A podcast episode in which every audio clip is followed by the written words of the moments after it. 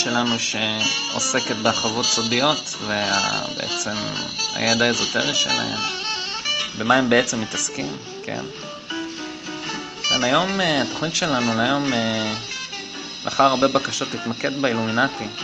זה נושא אה, די גדול, יש הרבה מה לדבר עליהם, אבל אני חושב שזה ייתן מושג לא רע על מה קורה שם, קצת על היחסים שלהם עם הבונים חופשיים, מה, מה בעצם ה- היסוד של הדברים שהם מאמינים. אני חושב שזה יהיה די מעניין. אה, כמובן אה, מורכב מכאן הכתבים שיש לי פה בארון, שאספתי במשך הרבה זמן וכתבתי, ואני אנסה להבין את זה ביחד איתכם, בגדול. אז אם אה, שאני חושב זה בגלל ש... זה הרבה מזה כתוב בכתב יד. עכשיו, אה, חלק, מה, חלק מהקטעים גם אני הולך להקריא ציטוטים פשוט באנגלית, אה, כפי שהם, כי אני חושב שזה יפה לשמוע את האנגלית אה, במקור של מכתבים שכתב ג'ורג' וושינגטון. ואל תדאגו, כי הדברים שאני אגיד מסביב, לפני ואחרי, יסבירו את כל מה שכתוב שם, או כל מה שחשוב לדעת משם. אז באמת תקבלו את הכל. בכל אופן, לחלק הראשון אה, של, ה... של מה שאני אקריא היום, אני בעצם מכנה מלחמת החורמה של ג'ורג' וושינגטון באילומינטי. כן, הרבה הרבה הרבה לפני טראמפ, בארצות הברית היה לנו אחד בשם ג'ורג' וושינגטון, אה, שעשה דברים די דומים כמו לייסד את ארצות הברית, כן? אז אנחנו היום נכיר את האמצעים דרכם האילומינטי פעלו כדי להסתנן לארצות הברית, וכבר אז להשתמש בפעולות חתרניות כדי לזרוע את זרעי ההתקוממות במוסדות של המדינה שזה הרגע נולדה. בשביל לכפות את האידיאולוגיה שלהם על הממשלה החדשה בארצות הברית, להכריח אותה לשנות uh, את מדיניות החוץ שלה כדי לתמוך במהפכה הצרפתית הטמעה של היעקובינים האדומים, כמו כן להפיל את ג'ורג' וושינגטון, שכפי שתגלו הוא נלחם בהם מלחמת חורמה, ואף הצביע במדויק על השם שלהם ומקור הפעילות שלהם, שנשמר עד uh, ימינו. אתם תגלו גם שהאילומינטי עזרו להקים את ארצות הברית, אך לא הצליחו לתפוס שליטה על המדינה, ועל כן החלו בפעולות טרור וחתרנות לנסות להשתלט עליה מהדלת האחורית. הסיפור שלנו מתחיל עם בחור טוב בשם פרופסור ג'ון רוביסון. אז להלן סקירה קלה עליו כדי לבסס את המהימנות שלו. מדובר על אחת הדמויות הבולטות בתנועת הנאורות של המאה ה-18 והמהפכה התעשייתית. שכן הוא גם עזר לג'יימס ואט לייצר את המנוע קיטור, מה שהביא לעולם אה, כמובן הרבה מאוד קדמה. כמו כן הוא מונה להיות המזכיר הכללי של האגודה המלכותית למדע באנגליה, תפקיד נחשב ביותר שניתן לאנשי מעלה רציניים ביותר. הוא היה פרופסור לפילוסופיה באוניברסיטת אדינבורג. לאחר המהפכה הצרפתית הוא הפסיק להיות מוקסם ותומך מלא בחלקים מסוימים של אה, תנועת הנאורות, אה, או כפי שהייתה יודעה, הנאורות הרדיקלית, הזרם שהביא למהפכת הדמים בצרפת, ובעצם הזרם שמייצג את האילומינטי. יתר על כן, אה, רוביסון בעצמו היה בונה חופשי, לאחר שהתפכח כשראה מה קרה במהפכה הצרפתית, הוא חקר לעומק את הנושא כדי למצוא את אה, מקורות התופעה של אותה תנועה מהפכנית שהתפשטה באירופה, תנועת האילומינטי. הוא גילה זרם רדיקלי מהפכני בתוך הבנייה החופשית, שאותה הוא זיהה כאילומינטי. את כל זה הוא חשף בספרו Proof of a Conspiracy Against All Governments and Religions. כחבר במסדר הבונים החופשיים שעבר לאורך הלשכות שלהם באירופה, והשתתף בטקסים וחי את הלשכה וחבריה באירופה באותה תקופה, הוא מספר על הדוקטרינות שחדרו לתוכה ושינו את פניה כאשר המקור העיקרי הוא מזהה כאותו המסדר אילומינטי, אשר המשיכו לטענתו בצרפת יחד עם היעקובינים להוציא לפועל את המהפכה. הספר מציג את המידע של הסופר, ציטוטים ממסמכים כולל אה, אה, זה, כן, זה אפשר למחוק. אה, ציטוטים המציגים את התפיסה של האילומינטי לבטל ולשמד את כל הדתות, הממשלות, ולהשתית את תפיסת העולם שלהם, שתחליף את כל הדברים הללו בפילוסופיה שלהם. אה, מוסר שלהם שיחליף את המוסר הכנסייתי בפרט, וכל מוסר אחר אה, ששרר אז בפילוסופיה הכללית. אה, הם דיברו על ביטול קניין, לפי מה שהוא כותב, הם דיברו על ביטול הקניין הפרטי וצבירת הון לתעשייה. שיקום, הם רצו לשקם את האדם למצבו המקורי והטבעי, בו כולם יהיו שווים במעמד רכוש ללא, מדינ... ללא מדיניות, אה, מדינות, פטריוטיות, ללא דתות, שאותן אמונות טפלות. אה, והמטרה העילאית הייתה האדם ורמות העושר אליו הוא יכול להגיע. עכשיו, אנחנו ניכנס אה, ממש יותר עם ציטוטים באמת לאיך הם דיברו על, על הרעיונות האלה. אבל חשוב רק לציין שההיגיון שלהם והמוסר מבוססים מאוד על התפיסה הרומנטית, שהיא שמה חשיבות אה, עליונה יותר על אה, סוג של חזרה לטבע, מאשר אה, תלם ההיגיון הישר או המוסר הנוצרי בו הלך ג'ון רוביסון כותב הספר. מדובר פה ממש על התנועה הראשונה לעל-לאומיות, גלובליזם. שוויון מלא חסר המעמדות, ביטול הקניין הפרטי וסירוס התעשייה שרוביזון כל כך חזר לפתח שהביא לשגשוג אה, הכי גדול בהיסטוריה בעצם. אה, עם, אה, כן, בזמן המהפכה התעשייתית והתרומה שלו. אז הנה ציטוט של רובינסון הממחיש את הדברים. ציטוט, הם התכוונו לכונן ממשלת מוסר כפי שהם כינו זאת, Sittenregiment, שזה בגרמנית, אני לא טועה, היכן שאופי והכשרה שהם בוחרים על פי השקפתם, יובילו בבלעדיות אל עבר הרצוי. הם התכוונו לבטל את החוק אשר הגן על צבירת רכוש בעזרת תעשייה משגשגת ומתמשכת לאורך זמן ולמנוע מצבירה שכזאת בעתיד. הם מתכוונים לעשות חירות ושוויון אוניברסליים, זכויות האדם הנצחיים, וכהכנה לכל זה הם מתכוונים להוקיע החוצה את כל הדת ומוסר רגיל, ואפילו לשבור את השלשלות חיי הבית על ידי הריסת קדושת שבועת הנישואין, ועל ידי לקיחת חינוך הילדים מידי ההורים.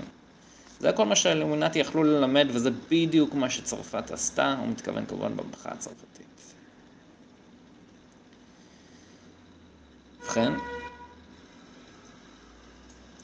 יש לי פה ממש את הצילום של הציטוט הזה.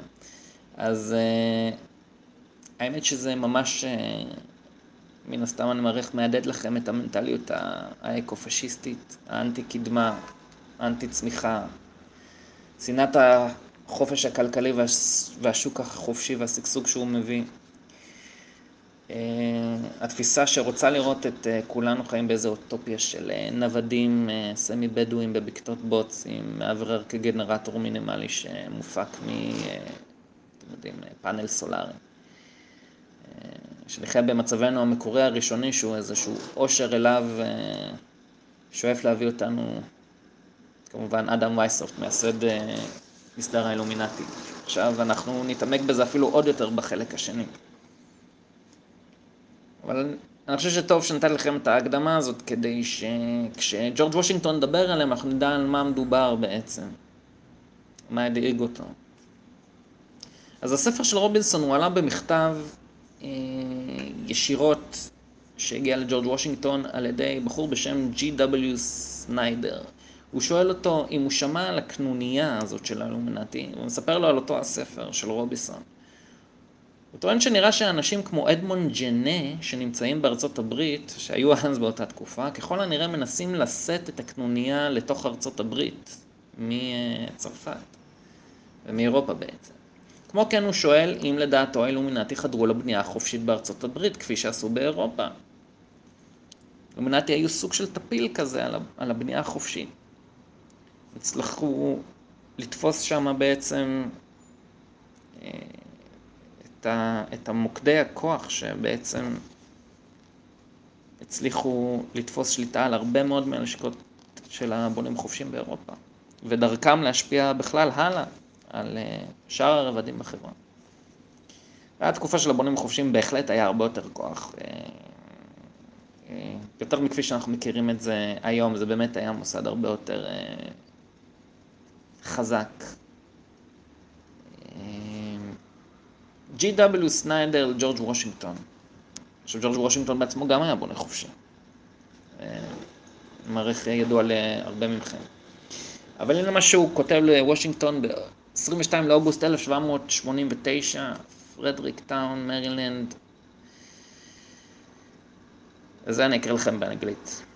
Sir, you will, I hope, not think it a presumption in a stranger, whose name perhaps never reached your ears, to address himself to you, the commanding general of a great nation. כן, זה בערך באמת כאילו אני אכתוב מכתב לטראמפ ואגיד לו כל מיני, אני אכתוב לו על הקונספירציות שלי ובאמת אצפה שהוא יענה לי חזרה. אז אני גם כן, אני חושב, הייתי מתחיל באותו אופן. עכשיו הוא ממשיך לכתוב לו, I am a German, born and liberally educated in the city of Heidelberg in the Palatine of the Rhine. I came to this country, הגיע לארצות הברית, in 1776, and felt soon after my arrival a close attachment to the liberty for which these Confederate states then struggled. The same attachment still remains not glowing but burning in my breast at the same time that I am exulting in the measure in the measures adopted by our government. I feel myself elevated in the idea of my adopted country. בכל אופן הוא מדבר על כמה הוא שמח שהוא הגיע לארצות הברית ומאמין באידיאלים שלה באותה תקופה, הגיע מגרמניה. גרמניה שבאותה שנה שהוא הגיע, שם בעצם אז קמה האילומינטי הבווארי שם, ב-1 במאי 1776, אני מדגיש ה-1 במאי, כן. הוא ממשיך וכותב, I am attached both from the bent of education and mature inquiry and search to the simple doctrines of Christianity which I have the honor to teach in public, and I do heartily despise all the cavils of infidelity. Our present time, pregnant with the most shocking evils and calamities, threatens ruin to our liberty and government. עכשיו הוא מודאג מאוד מאיזה שהם כוחות ותנועות שהם מתחילים לקרום עור וגידים אז, אבל מדבר ממש על, ה, על הרוע בעצם שהם מפיצים. מעריך שאם הוא היה רואה מה קורה היום, הוא, היה שם את הדברים אולי בפרופורציות, למרות שבעצם זה, זה באמת היה אז אותו מאבק, באותם עוצמות, אם לא יותר. Secret, the most secret plans are in agitation. Plans calculated to ensnare the unwary, to attract the gay and irreligious, and to entice even the well disposed to combine in the general machine for overturning all governments and religion. הוא מדבר פה על הקנוניה של האילומינטי, כפי שהוא תכף יסביר. It was some time since that a book fell into my hand entitled Proof of a Conspiracy by John Robison, which gives a full account of a society of Freemasons that distinguished itself by name Illuminati. whose plan is to overturn all government and religion, even natural. אז הוא מדבר שוב על הספר של ג'ון רוביסון שנתתי לכם את ההקדמה עליו קודם, ושהספר הגיע לידיו, הוא קרא אותו והבין מה הולך שם, והוא ממשיך. And who endeavored to eradicate every idea of a supreme being and distinguish man from beast by his shape only. אז כאן אני, אפשר להבין שהוא מדבר בעצם על ה... לא רק על האתאיזם הקיצוני של, ה... של האילומינטי, אלא שבסופו של דבר איך הרעיונות שלהם מובילים לסוג של התבהמות שלא מבחינה בין האדם לבהמה עם הרצון הכל כך בולט שלהם לחזור למצב הטבעי של האדם, למצב הראשוני שלו לפני הציוויליזציה. אתם תראו את הציטוטים בחלק השני ואתם תבינו טוב מאוד כמה הפסאדה הזאת שעד היום מנסים להציג אותם בה היא באמת כוזבת כאיזושהי... אנשים אה, מאוד אה, נאורים ורציונליים שרצו בסך הכל אה, להביא לעולם שפחות נשלט על ידי הדת. היה שם משהו קצת, קצת יותר אפל מזה. הוא ממשיך.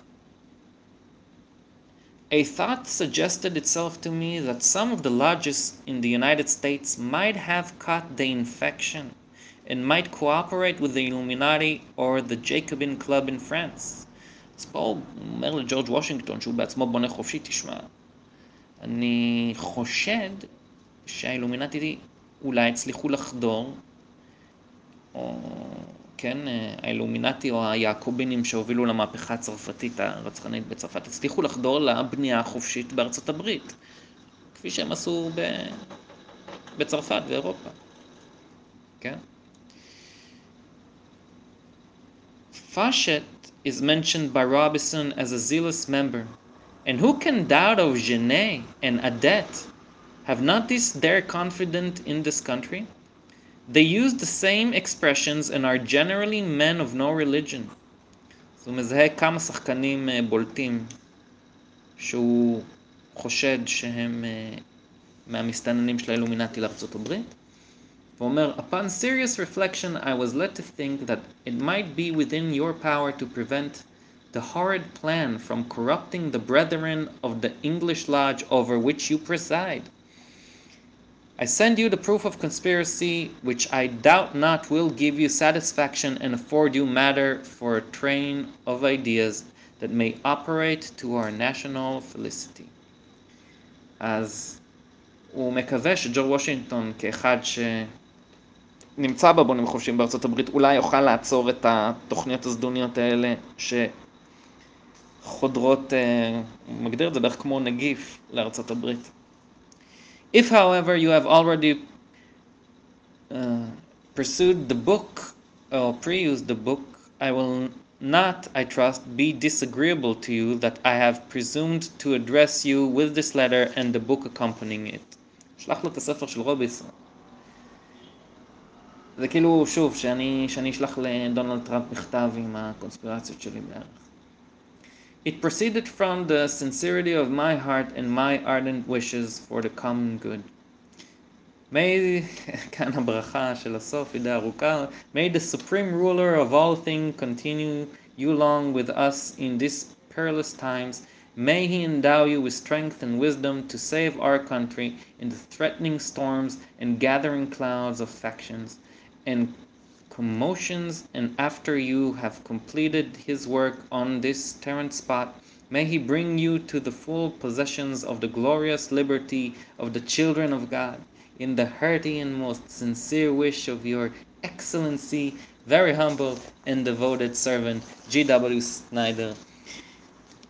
מסיים פשוט משהו כמו בעזרת השם מאוד מאוד ארוך.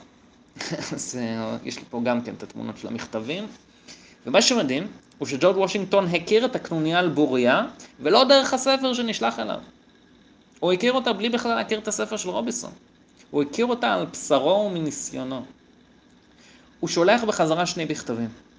כיוון שאת הראשון הוא כתב מהר מפאת חוסר זמן, בשביל להבהיר את הנקודה שלו ולהיות בטוח שהמסר הרצוי עבר, הוא שלח לו עוד מכתב באותו נושא. הדברים הוא, מכת... הוא מסביר כמובן במכתבים האלה. אבל זה שווה ערך לזה שטראמפ היה חוזר אליי לא רק עם מכתב אחד, עם שתיים, שזה ב... ו... ועם השני להבהיר מה הוא התכוון בראשון. כלומר, הנושא הזה באמת בוער בנפשו. של ג'ורג' וושינגטון אז באותה תקופה. אז ג'ורג' וושינגטון לג'י.דאבליו סניידר, ספטמבר 25, 1798. הוא עונה לו, Sir, many apologies are due to you. for my not acknowledging the receipt of your ob- obliging favor of the 22nd. Also, and for not thanking you at an earlier period for the book you had the goodness to send me. תודה רבה לך על הספר ששלחת לי. ואני מצטער, אם אני מבין נכון, שאני חוזר לך כל כך מאוחר. I have heard much of the nefarious and dangerous plans and doctrines of the Illuminati, but never saw the book until you were pleased to send it to me. אז כמו שתרגמתי בהתחלה, הוא כבר מכיר טוב מאוד את התוכניות הזדוניות שלהם. The same causes which have prevented my acknowledging the receipt of your letter have prevented my reading the book. Hitherto, hitherto, namely the multiplicity of matter which pressed upon me before and the debilitated state in which I was left after a severe fever had been removed. כן, טוב, זה כמובן התירוצים שלו במחרות, למה הוא חזר אליו כל כך מאוחר. מן הסתם, אתה נלחמת בבריטים ונהיית נשיא ארצות הברית. and which allows me to add little more now that thanks for your kind wishes and favorable sentiment, except to correct an error you have run into of my presiding over the English lodges in this country. The fact is, I preside over none, nor have I been in one more than once or twice within the last 30 years. הוא עונה לו, תשמע, אני יודע שאתה יודע שאני בבונים חופשיים, ואתה חושב שאני איזשהו באמת במעמד נורא גבוה שם, אבל לא, לא הייתי כזה הרבה שם, ובטח שלא בשלושים שנה האחרונות. אני מכיר, אבל לא, זה לא היסטרי, כן? הוא אומר, I believe notwithstanding that none of the lodges in this country are contaminated with the principle ascribed to the Society of the Illuminati. הוא אומר לו, תשכח מזה. האילומינטי לא נמצאים בבנייה החופשית בארצות הברית, לפחות לא שידוע לי, ואני חושב שהיה ידוע לו, אבל שימו לב למכתב השני. המכתב הזה עוד יותר מעניין. את המכתב הזה הוא כותב לסניידר באוקטובר 24, 1798. Sir, I have your favor of the 17th instant before me, and my only motive to trouble you with the receipt of this letter is to explain and correct a mistake which I perceive the hurry in which I am obliged often to write letters have led you into. אז הוא אומר לו, תשמע, אני ממש מצטער, אני כתבתי לך מכתב, ובגלל שאני נשיא ארצות הברית, יש לי כל כך הרבה דברים לעשות, אני כותב את ה... כתבתי לך את המכתב הזה כל כך מהר, אני שמתי לב שיש מצב ש... שאולי אולי לא הייתי ברור באיזה משהו שכתבתי לך. אז הוא ממשיך. It was not my intention to doubt that the doctrines of the Illuminati and principles of Jacobinism had not spread in the United States. On the contrary, no one is more truly satisfied of this fact than I am. מה הוא מנסה להגיד? זה אנגלית ישנה, יכול לבלבל חלק מהאנשים. על בהקשר של המכתב הראשון זה אפילו עוד יותר ברור. הוא אומר, אני כתבתי לך שהם לא בבנייה החופשית, נכון, אבל לא התכוונתי להגיד לך שהדוקטרינות של האילומינטי והעקרונות של היעקובינים, לא התכוונתי דרך זה להגיד לך שהם לא הופצו בארצות הברית או מתפשטים פה, נהפוך הוא. אני שמח מאוד שהצבעת על הנקודה הזאת, זה נכון. ואז הוא אומר, the idea I meant to convey was what I did not believe that the lodges of Freemasons in the country had as societies endeavored to propagate the diabolical tenets of the first or pernicious principles of the latter, if they are susceptible of separation. שימו לב, if they are susceptible of separation. כלומר, כשהוא מדבר על היעקובינים המהפכנים בצרפת, הרדיקלים שהביאו למהפכת הדמים, וכשהוא מדבר על אחוות האילומינטי הבווארי, הוא, הוא חושד בכלל שאולי אי אפשר להפריד את האחד מהשני, שכנראה זה עין נוח. אז הוא אומר לו, רק להבהיר, אני, אני לא חושב שהם... העקרונות האלה חדרו לארצות, לארצות הברית דרך הבנייה החופשית. That individuals of them, אבל, may have done it, or that the founder or instrument employed to found the democratic societies in the United States may have had this object and actually had a separation of the people from their government in view is too evident to be questioned. משפט מאוד חשוב. לאן הם כן חדרו? מאיפה ברור לו שהם חדרו? הם חדרו דרך ארגונים שנקראו ה-Democratic Societies. האגודות הדמוקרטיות, לימים, לימים המפלגה הדמוקרטית האמריקאית. ג'ורג' וושינגטון לא, לא השתייך לא לאגודות הדמוקרטיות, ומן הסתם לא למפלגה הדמוקרטית שקמה אחרי כל הסיפור הזה. על בסיס האגוד, אותם אגודות דמוקרטיות. אבל שמה, שמה האילומינטי נמצאים, הוא אומר לא. ומה, ומה בעצם המטרה הבולטת ביותר? And actually had a separation of the people from their government in view. בעצם הפרדה מלאה בין האנשים, בין האזרחים, לבין הממשלה שלהם. כלומר, כפי שזה, אני מעריך, מזכיר לכם מה שקורה פה היום, עם כל הסיפורים על אה, קרן וקסנר והדיפ סטייט, שהפקידות הלא נבחרת היא זאת שלוקחת לעצמה סמכויות ללא אחריות ומנסה לדרוס את היכולת של הממשלה הנבחרת על ידי האנשים למשול. ממשלה שמנסה לבטא את רצון העם כי היא חייבת להיבחר כל מיני שנים. לא, לא, לא. אלומינטי יש רעיון אחר לגבי מה זה במרכאות דמוקרטיה. כן? אז הוא אומר, My occupations are such that but little leisure is allowed me to read newspapers or books of any kind. The reading of letters and preparing answers absorb much of my time. ג'ורג' וושינגטון. אני, אני חושב שבצורה נימוסית הוא ניסה להגיד לו, לא יצא לי עוד לקרוא את הספר ששלחת לי. אבל בכל מקרה, זה, זה העניין. עכשיו, כשהוא מדבר על דמוקרטיה כסוסייטיז, צריך להבין, מי, מי שהקים אותם היה בחור בשם אדמון ג'נה, מי שהוזכר על ידי סניידר כאחד שהוא חושד בו שהחדיר את האילומינטי לארצות הברית. וושינגטון מתאר את התוכניות האלה כממש ציטוט שטניות. שפה די דת, דתית למדי. הוא מתאר את הפעילות שלהם כניסיון ליצור הפרדה בין העם לממשלה, כפי שאמרתי, שזה, כן, ממש כמו המטרה של יצירת מרד, או זריעת אי יציבות ומחאות פופוליסטיות, כפי שאתם תראו. פופוליסטיות במובן הרע של המילה. לא פופוליסטיות במובן של uh, טראמפ, יוליוס קיסר, וכן, ואפילו וושינגטון. אכן, אה, היו ניסיונות לעשות את הדבר הזה, את ההפרדה שעליה דיברתי, בעיקר בתוך הצבא בארצות הברית. דבר שוושינגטון זיהה והצביע עליו לא פעם. עכשיו, הנה שתי דוגמאות אה, מספקות למדי להראות שהוא גם קושר את זריעת האי-יציבות הזאת לאותן אגודות דמוקרטיות, במרומז, מה שבעצם מראה את הכוונה לאילומינטי והיעקובינים. אז אנחנו ננתח את המכתבים האלה. והקטע הבא נאמר באותה שנה בה הוא כתב את המכתבים שהרגע הקראתי לכם. אני הולך להקריא לכם קטע שהוא כותב על משהו שקורה שם בתוך הצבא מארצות הברית.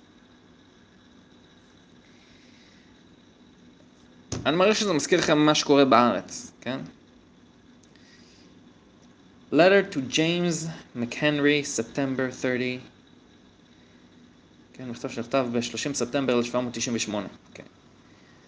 The motives ascribed inserted to them are that in such a situation they would endeavor to divide and contaminate the army by artful and seditious discourses and perhaps at a critical moment bring on confusion. אני מדבר פה על זריעת האי-יציבות וניסיון לעשות את ההפרדה הזאת בצבא. What weight to give these conjectures you can judge of as well as I.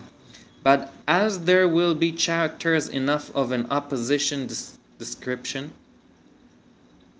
who are ready to receive appointments, circumspection is necessary. For my opinion of the first are that you could as soon scrub the blackamoor white as to change the principles of a prote- professed Democrat, and that he will leave nothing unattempted to overturn the government of this country. כשהוא מדבר פה על דמוקרט, הוא לא מדבר על מפלגה דמוקרטית, כי זה באחרי, הוא מדבר על האגודות הדמוקרטיות. הוא מאשים אותם פה בניסיון ליצור את ההפרדה בין הצבא לבין העם. שוב, כנראה, כמו היום, להפוך אותו מנוהל על ידי המקצוענים, ממשל טכנוקרטי של הפקידים. וכשהוא אומר, אה,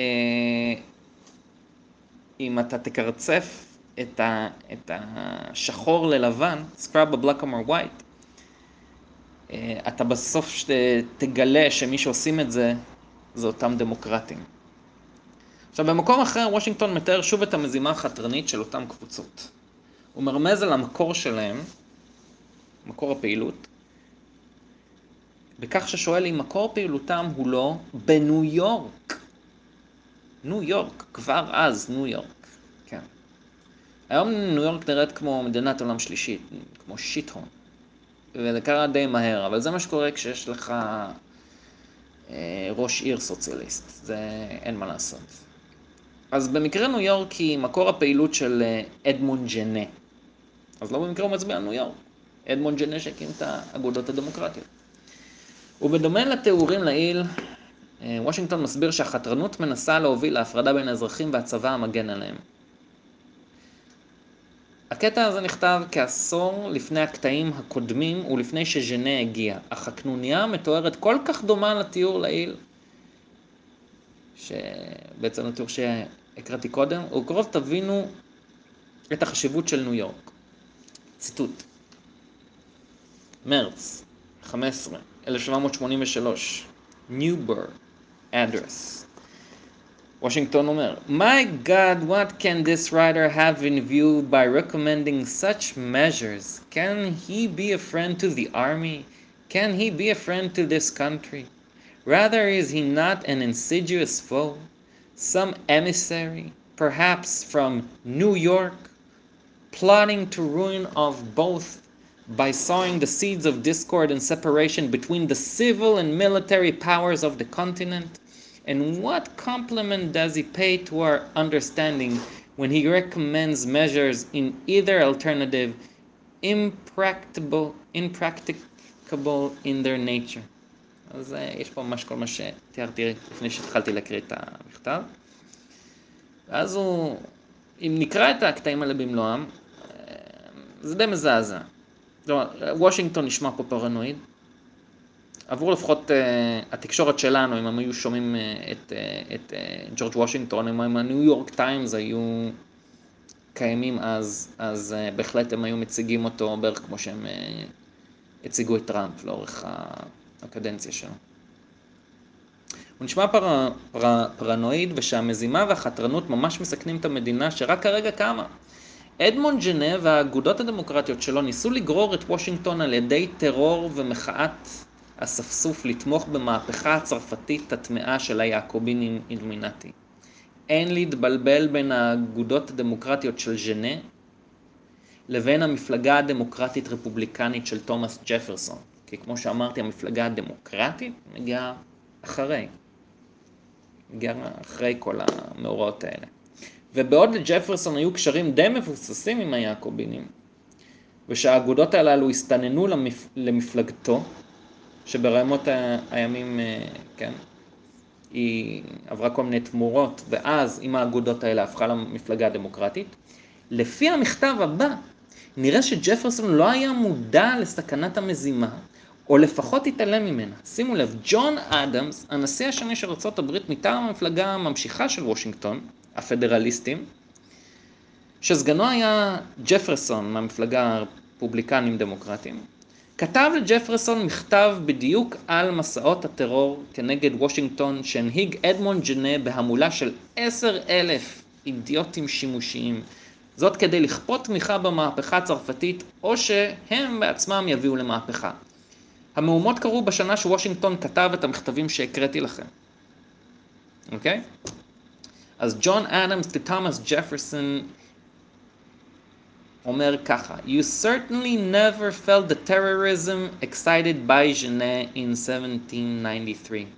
ממש טרור. טרור של אדמונד ג'נה והאגודות הדמוקרטיות. When 10,000 people in the streets of Philadelphia day after day threatened to drag Washington out of his house and effect a revolution in the government or compel it to declare war in favor of the French Revolution. Mm-hmm. Mm-hmm. עכשיו בוא נראה. אנחנו לקראת הסוף של הקטע הזה. יחד עם זאת, אני חושב שזה יהיה לי קצת קטע קשה להקריא, אבל בואו נראה איך אנחנו מתמודדים עם זה. ג'פרסון היה ידוע כאויב מושבע של אלכסנדר המילטון. שניהם ייצגו את הכתבים של שני המפלגות השונות. אך הם שיתפו פעולה יחד בין הפעמים היחידות והנדירות לעזור לוושינגטון כנגד ג'נה. כמו כן, ג'פרסון ללא ספק היה איש טוב, למרות שההיסטוריה מראה שהוא ביסס קשרים עם אותם יעקובינים בזמן שהיה שגריר ארה"ב לצרפת. בסופו של יום, הוא היה מאוד אמריקאי בתפיסה הפוליטית, כלכלית שהוא ייצג, שהייתה מאוד חופשית בזמנו.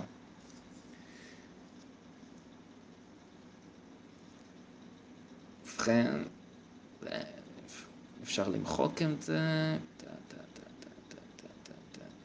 בסדר. אז אפשר לעבור לחלק הבא. אה, דבר אחד אני כן אזכיר, שהאגודות הדמוקרטיות של אדמונד ג'נה היו הזרם הראשון שניסה לקדם באופן מבוסס וחזק חינוך ממלכתי, ציבורי, שוויוני, ואני מוסיף, מטמטם לכולם, או במילים אחרות, לימודי ליבה. אני חושב שקל לראות את רמת החינוך בארצות הברית מידרדרת מאז החלת הרעיונות האלה. אולי הדרך לתקן את זה יהיה... אני, אני קטונתי מלדעת, אבל אולי, אולי, אולי שיטת השוברים בחינוך יכולה לתקן דברים כאלה. אז אנחנו תכף נגיע לחלק השני של, ה... של השידור הזה.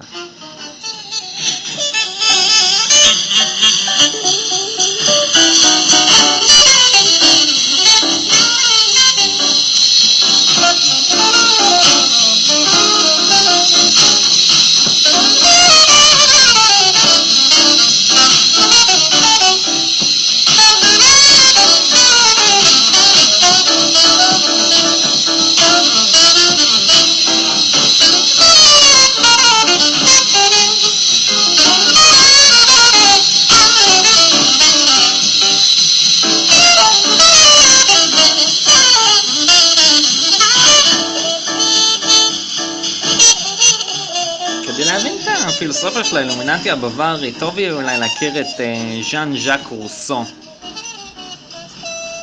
ז'אן ז'אק רוסו. זה ממש, זה מאוד דומה בעצם הרעיונות שלו למה שהם ניסו לקדם במהפכה הצרפתית ובכלל. שוקלים להכיר לכם גם על ז'אן ז'אק רוסו, רק על האילומינטי. אני לא אחפור לכם יותר מדי. בואו נדבר רק על האילומינטי.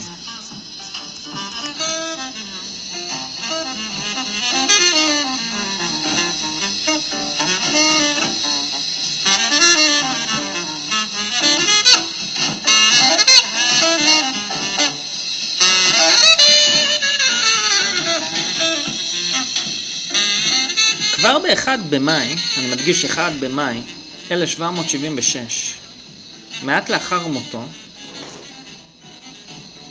של ז'אן ז'אק רוסו, מסדר האילומינטי הבווארי הוקם על ידי אדם וייסופט, בטענה שהאנשים החופשיים היחידים בעולם הם או הפרא האציל, או המוארים באמת, שזה בעצם, במילים אחרות, חניכי החווה שלו, אנשים שעברו את החניכות שלו. המסדר חיפש להנחיל את תפיסתו הניהליסטית של רוסו לחברה דרך הסתננות לצמרת ובעיקר בדרך המהפכנית, כפי שהתבטאה בזמן המהפכה הצרפתית. אני חושב אולי יכול להיות שזה אפילו הפוך. בעיקר הסתננות לצמרת, אבל הרדיקליות שלהם הובילה גם למהפכה הצרפתית. נראה כי כפי שהדתות הפרימיטיביות של יוון עברו דגנרציה או בתקופת השקיעה. ההלניסטית המאוחרת, הפכו לכתות סודיות אוניברסליות שכאלה, כך קרה גם עם הכת הסודית של האילומינטי באירופה. כאשר פרופסור קמיל פגליה, פרופסור לאומנות מאוניברסיטת יל, אומרת שציטוט דקדנס זה צומת הדרכים בה נפגשים פרימיטיביזם ותחכום, פניית הפרסה של ההיסטוריה אל תוך עצמה. אין, סוף ציטוט, אין בעצם קבוצה שמהדהדת את הדברים יותר חזק מהאילומינטי הבווארי. אני אסביר אולי שכאשר חברה, ציוויליזציה שוקעת, וזה דבר מחזורי ומעגלי, אפשר לראות רומא, מצרים, יוון, פרס, מה שתרצו. בימינו אפשר אפילו לומר אה, במובן מה העולם המערבי. קורה דבר מעניין, הסופיסטיקציה העירונית, התחכום העירוני, נפגש עם איזושהי הרגה או רצון לחזור לאיזושהי סגידה פרימיטיבית לטבע עם האדמה. שני הדברים האלה כשהם נפגשים זה בעצם מה שנקרא דקדנס, ודקדנס זה שם אחר לשקיעה, ריקבון, דרדרות של החברה. אז זה הסימפטום הכי בולט. Okay? אוקיי? אין קבוצה שמהדהדת את הדברים יותר חזק מהאילומינטי הבווארי. אוקיי? היא לא כתבה עליהם, אבל הם מהדהדים ממש את, ה, את ההגדרה הזאת שלו. זאת הגדרה באמת מאוד מדויקת, אני חייב לציין. הם האמינו כי האדם במצבו הפראי והראשוני חי בטבע בחירות ושוויון מלאים ללא רבב של רוע. אך כאשר החלה החברה האזרחית להתאגד בתצורה השנואה ביותר על המסדר למדינות לאום, הם איבדו את השוויון ונהיו יותר ויותר משועבדים החיים בפירוד. חוסר השוויון הוא אולי הדבר הצורם להם ביותר, ועל כן טרוצקי הגדיר את האילומינטי הבווארי באוטוביוגרפיה שלו כמבשרי האינטרנציונל, מבשרי המהפכה בעצם. שוב, הם נוסדו ב-1 במאי, וזה אותם uh, פאנלים של אינטרנציונל ש... שהוא היה חבר בהם, שהפכו את היום הזה ל... ליום ה... יום חג של סוציאליסטים. המסדר חיפש להחזיר את המצב, הציטוט, חירות ושוויון הפרימיטיבי, סוף ציטוט, והאמין שיעשה זאת אך ורק בעזרת התבונה. על פי האילומינטי, התבונה היא זאת שתחזיר את האדם למצבו הראשוני. כן, אתם מבינים את, ה, את ההתנגשות הזאת? את הצומת הדרכים הזאת? נופלים על ההגדרה. אכן, לאדם וייסופט היה לא מעט מה לבוא בתלונות לחברה או למוסר החברתי שלה. הוד נעורותו מייסד האילומינטי הכניס את גיסתו להיריון בעקבות גילוי עריות. ובעוד אשתו המתגוררת באותו הבית הייתה חולה, השתיים חיפשו כיצד לעשות הפלה ואף ניסו כמה פעמים להיפטר פשוט מעובר. וייסופט כותב, ציטוט, ניסינו כל דרך בכוחנו להשמיד את הילד, ואני מקווה שהיא נחושה בכל דבר הכולל מם. סוף ציטוט. המם, מה שמחוק במכתב, ככל הנראה מתכוון למוות. הציטוטים, אגב, מהספר של רוביסון. אפשר לומר הרבה, אבל המכתבים שהוא מביא, אף אחד לא מטיל ספק שהם אותנטיים והוא מצטט בדיוק את מה שכתוב בהם, והוא לא היחיד שציטט מהם, אפשר להצליב. הוא ממשיך ותוקף את החברה האזרחית והמוסר שלה, אדם וייסופט. ציטוט: הכמרים המקוללים הללו גם, שכן המעשה כל כך נפשע בעיניהם, סוף ציטוט. הוא מדבר על, אה, כן, להרוג את הילד שלו שהוא הרגע עשה בגילוי עריות תוך כדי שאשתו ישנה בחדר השני. ניסה להיפטר מראיות, מה, ש... מה שנראה. ובכן, כנראה שהוא לא כזה נורא בעיני בעל התבונה הנאורה ממסדר הנאורים, כי הדברים עלו בהתכתבות אך ורק עם הדרגות הגבוהות ביותר במסדר שלו. רוביסון זורק איזושהי היפותזה מעניינת שאולי יש לדברים גם קשר לכמה מהחניכות או העקרונות היותר גבוהים של האילומינטי בדרגות הגבוהות. ברור כאן שוואסופט מרגיש כבול לחוקים החברתיים, ציטוט שלהם, סוף ציטוט, אשר נתפסים בעיניו כשרירותיים ולא רציונליים ביחס למעשה שעשה בפרט, והטבע בכלל, אותו הטבע שדחף אותו לגילוי הריון וניסיון לרצוח ילד. עכשיו, בלשכותיו של אה, וייסופט, האילומינטי, גם היו פרנקיסטים, שאלה בעצם שבתאים. הידוע ביותר היה לשכת האחים האסייתים, וגם הם היו ידועים בגילוי עריות כחלק מתפיסת מצווה הבאה בעבירה שלהם. זה על השבתאים אה, באופן כללי, לא, לאו דווקא על הלשכה הזאת שם, כן? ובכן, הניאליזם של וייסופט לא ידע קץ. מבחינתו אפילו המדע היה סוג של טירוף הסוטה מהטבע האמיתי של האדם. ציטוט, האם המדעים הכלליים והרווחים אשר אליהם בני אדם נרשמים מפיצים אור אמיתי? האם הם מובילים לאושר אמיתי? אלא, האם הם לא צאצאים של אה, רצונות רב גוניים? או של המצב הלא טבעי בו מתקיים האדם? האם אין הם המצאות של מוחות טרופים המתחכמים בעמל רב? הטבע האמיתי של האדם נתפס כמשהו כמעט, אה, כן, סוף ציטוט, אז אה, הטבע האמיתי של האדם נתפס כמשהו כמעט מיסטי בין האדם והסוף. וזאת כאשר כביכול הוא ניסה לדחוק את המיסטיקה והאמונות הדתיות אה, מחוץ למסדר העוונים החופשיים, ובכלל מהחברה על ידי התבונה. אך בפועל מה שהוא חיפש נראה היה פשוט כנהנתנות, מרדף נואש כמה שיותר להעצים את העושר ועוד באופן אוניברסלי המאפיין את הרומנטיקה הסוציאליסטית הדקדנטית. זו תפיסה שללא ספק הייתה נתפסת כדקדנטית אצל הוגים הרבה יותר רציניים, כגון אה, פרידריך ניטשה. ניטשה אשר לא יכל להעלות על הדעת אדם גדול בעל הישגים נשגבים ללא הכאב והסבל הכרוכים בתהליך הצמיחה, ואושר, חיפוש ילדותי ובריחה מהקושי שכל כך מהותי להתפתחות. ובכן, ציטוט: ומכל ההערות אשר התבונה האנושית יכולה לתת, כלום אינו בר השוואה לגילוי של מי אנחנו, הטבע שלנו, החובות שלנו, לאיזה עושר אנו מסוגלים ומה האמצעים להשגתו. ומה המטרה הכללית של מסדר האילומינטי. העושר של המין האנושי. אין זה מצער בעבור הנפש הנדיבה אחר שהרהרה למה הטבע, למה הטבע האנושי מסוגל לראות כמה מעט אנו מאושרים, סוף ציטוט. חייב לומר, הוא מאוד מזכיר לי את קלאוס שוואב מפורום הכלכלי הבינלאומי. מאוד מזכיר לי אותו. אה, איך, אה, איך נאמר שם ב... כביכול נבואות במרכאות של הפורום הזה. You will own nothing and you will be happy. ברשותכם לא יהיה כלום, לא תהיו בעלים של שום דבר, ואתם תהיו מאושרים. אז אה, נניח, אני ממשיך. עכשיו, איך מתבטא הטבע הזה? הוא מתבטא כמו אידיאל היופי של רוסו. הוא מוצג כסוג של פרא אציל. אך בפועל מחביא את האמת של הכוחות הדיוניסיים, הקתונים, המשיכה לסאדו-מזוכיזם, ניאליזם וחורבן. כך בדומה לפמיניסטיות בימינו אשר יורקות הרס על הגבר במדינות הלאום המערביות, ומחכות בזרועות פתוחות למהגרים שמגיעים מתרבויות מאוד אלימות ומיזוגניות. אדם וייסופט מהלל את הברברים שהרסו את פאר התרבות, האומנות והמדע ומייחל לבואם. דבר דומה כמובן קרה במהפכה הצרפתית. כמו רוסו, שעבורו הפרא האציל הוא אידיאל היופי הרומס את הקלאסיות, היופי רומז גם את היופי והאומנות של הרנסאנס, כך מתאר את הדברים אדם וייסופט.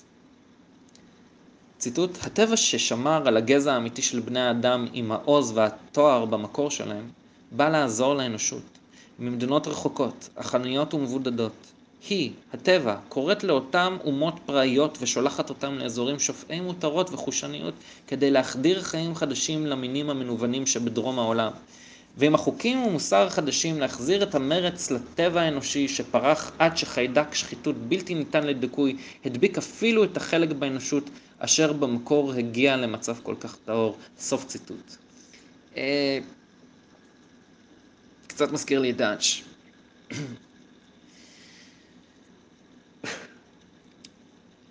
הדוניזם, דחפים סאדו-מזוכיסטים, ניאליזם והתחכמות של האינטליגנציה העירונית. תסמינים רבים של דקדנט, של דקדנס, אה, אה, אה תסמינים רבים של דקדנס בלטו אצל האילומינטי הבווארי. ומה עם האלה הגדולה? מה עם, עם הטבע, עם האדמה? תמיד זאת הסגידה שאליה רוצים לחזור בשקיעה של התרבויות. ברומא זה היה המגנה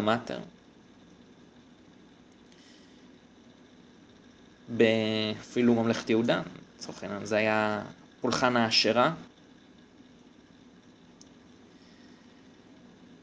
ובכן, מה עם, אה, עם הטבע אצל הלומינטי? ובכן, עבור אותם אינטלקטואלים ניהליסטים בעיר האם הגדולה כפי שניתן לצפות חוזרת. למסדר לא היו ממש סמלים ואומנות אשר ייצגו אותם, אך ישנו סמל אחד ויחיד שהיווה החותם הרשמי שלהם ואשר נמצא גם בשאר המסמכים של המסדר שנחשפו אחר שגורשו מבוואריה. הסמל הוא הינשוף, והוא סימל את האלה הגדולה הרומאית מיינרווה. עד היום היא מסומלת כאנשוף במפגשים הדקדנטיים של אליטות הבוהניאן גרוב, לאלה מכם שמכירים. אם תבדקו, הינשוף בבוהמיאן גרוב, כמו באילומינטי, זה הינשוף של מיינרווה, תנא, האלה הגדולה. מסדר האילומינטי הבווארי היה מעורב עד הצוואר במהפכה הצרפתית שבעצמה עוצבה על ידי החזון של רוסו. לימים אפילו המשורר גתה, שהיה חבר בהחווה, התפכח מהניסיון של החוות סודיות לקדם מהפכות רדיקליות המדרדרות לאלימות כוללת, דבר אשר הונצח ביצירתו, הקופטה הגדולה. מי שמעניין, אתם יכולים לראות את הספר גתה, Revolutions and Renunciation. בחץ הדמים האינסופי, הגיליוטינות והתחיגה המכברית שאפיינה את המהפכה ידוע לכל. אך בשיאה פתאום הוקמה לה כנסייה של אותם ניהליסטים, וכך מתאר זאת ג'ון רוביסון, מי שהיה בונה חופשי שעבר על הכתבים של וייסורט והאילומינטי בזמנו, ואף הגיע לאותן מסקנות של ג'ורג' וושינגטון לגבי היותם של האילומינטי והיעקובינים, אותה קבוצה שהוציאה לפועל את המהפכה. ציטוט: האם הפארסה המתועבת שלהם, המהפכנים, בכנסיית נוטרדם, לא הייתה התרסה ברוחה האמיתי של האירוטוריון, פסטיבל לילת אהבה, של וייסופט? אנחנו לא, אמר הכהן הגדול, קוראים לך לסגוד לאלילים דוממים. ראה, הנה יצירת מופת של הטבע. הם מרימים את הצעיף שהסתיר את העירום הקסום של הגבירות, המד"מים היפות. הדימוי הקדוש הזה צריך להצית את כל הלבבות. וכך היה, אומר רובינסון. העם צעק, לא עוד מזבחות, לא עוד כהנים, לא אלוהים, אלא אלוהי הטבע. סוף ציטוט. לכן המהפכה עצמת אדם שלא ידע שובע. הגיליוטינה עד היום מסמלת את אותה תנועה של היעקובינים. בעוד אה, משמעות המהפכה היה היפוך וחזרה למקור לטבע, הדרך שם כללה לכרות את הראשים של האנשים עם הגיליוטינה. כמה זה סמלי שהמקום בו מאוחסנת התבונה צריך להיכרת כאילו היה חלק הערל בברית מילה. זאת כדי לחזור לאמא האדמה. אז uh, בהחלט uh, היה את הסגידה לאלה באיזשהו מקדש, משהו supreme being ב, ב, במהפכה הצרפתית. באמת, בימינו הדברים אותו דבר, זאת אומרת, אם הדקדנס של המערב בימינו, אתם רואים את אותה סגידה לאלה, קורמת עור וגידים בתנועה שהיא בתצורה החילונית של הדברים, תנועה פמיניסטית. שכמו שראיתם, יש הרבה דמיון לדברים שווייסופט אה, מתאר וכותב.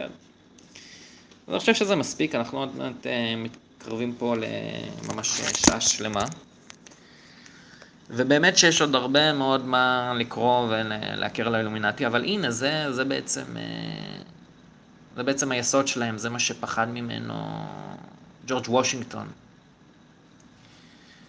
בסופו של דבר, אה, אותם נאורים האמינו שהם יוכלו לשחרר את, האנושות או את האזרחים בכל מקום שהם ניסו להשפיע בהפרדה של הממשלה מהעם את אותם רעיונות אה, טרופי דעת ומטורפים. שוב, מאוד מזכיר מה שקורה בארץ כבר אה, זמן מה. אז אה, זהו, זה עד פה. נתראה בתוכנית הבאה. אתם יכולים לכתוב לי אם יש החוות מסוימות, שוב, זו תוכנית שעוסקת בעיקר בהרחבות סודיות, שמעניין אתכם לשמוע עליהן. ואני אעשה, אעשה שידורים בהתאם. בעיקר לפי מה שמתחשק לי, אז, אז נראה. אז עד הפעם הבאה, תראה.